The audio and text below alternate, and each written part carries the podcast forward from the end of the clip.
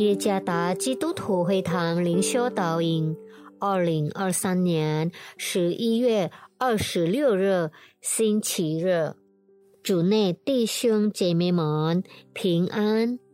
今天的灵修导引，我们会借着圣经《路加福音》第七章十一到十七节来思想今天的主题。像基督一样悲伤。作者：小丽娜传道，《路加福音》第七章十一到十七节。过了不多时，耶稣往一座城去，这城名叫拿因。他的门徒和极多的人与他同行。将进城门，有一个死人被抬出来。这人是他母亲独生的儿子，他母亲又是寡妇。有城里的许多人同着寡妇送殡。主看见那寡妇，就怜悯他，对他说：“不要哭。”于是近前按着杠。抬的人就站住了。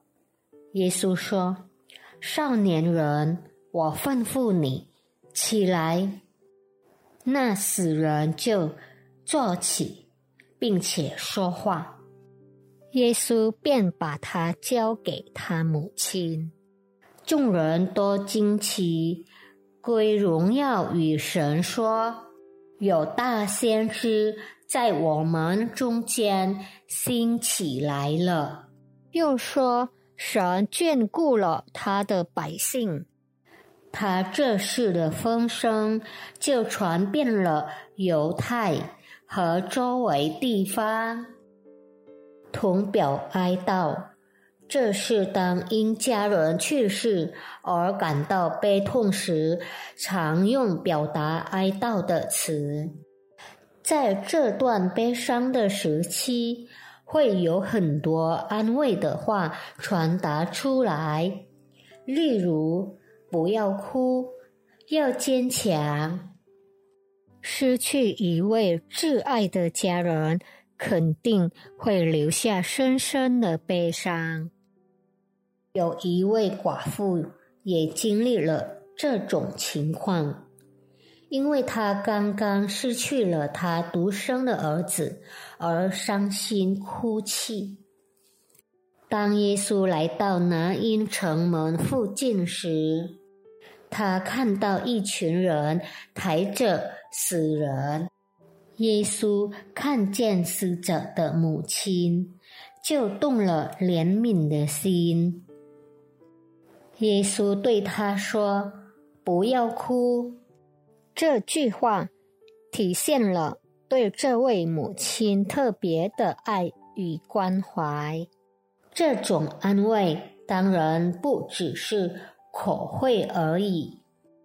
耶稣就实行了神迹，使这年轻人复活起来。刹那间，这位母亲悲伤的哭泣变成了满意的喜乐。也许我们现在正因失去了我们所爱的人而感到悲伤和失去了盼望。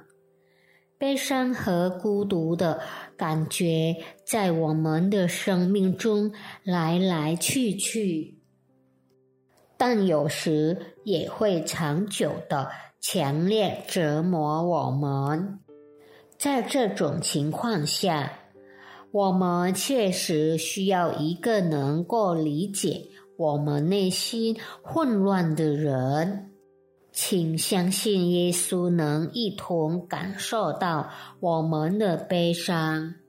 唯有他能真正对我们说：“不要哭。”尽管生命中悲伤的感觉无可避免，但我们仍然拥有盼望。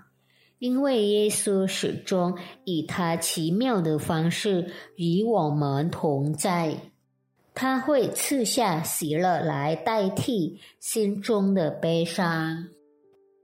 耶稣能够将悲伤变为喜乐。愿上帝赐福大家。